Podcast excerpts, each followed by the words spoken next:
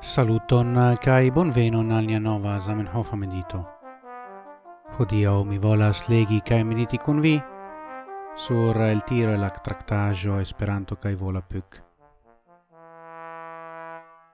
Temas pri parentesa rimarko de Zamenhof, kiu troviĝas ie pagio ducent sestec unu.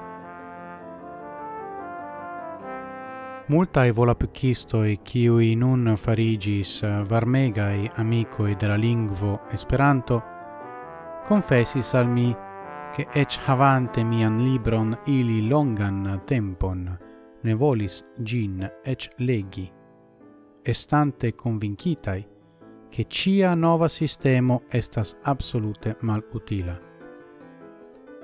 Tio ci rememorigas la tempo in de la Inquisitio, ciam por ciu bona cristano estis mortinda peco ec preni en la manon, iun vercon ciu enhavis en si la plei malgrandan freshan bluveton. Do estas iom amuse legi citiun hodiau, char shainas al mi che esperantistoi poste estia estas samkiel volapukistoj tiam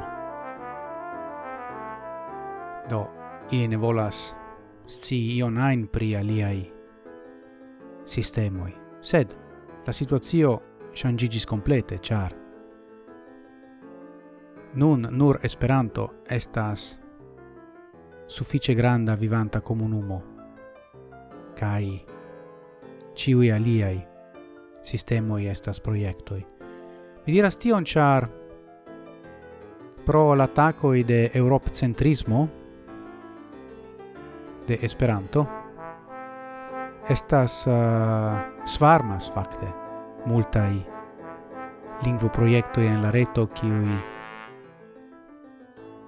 ankaŭ donas atenton al la, la araba, la svahila kaj aliaj mondolingvoj.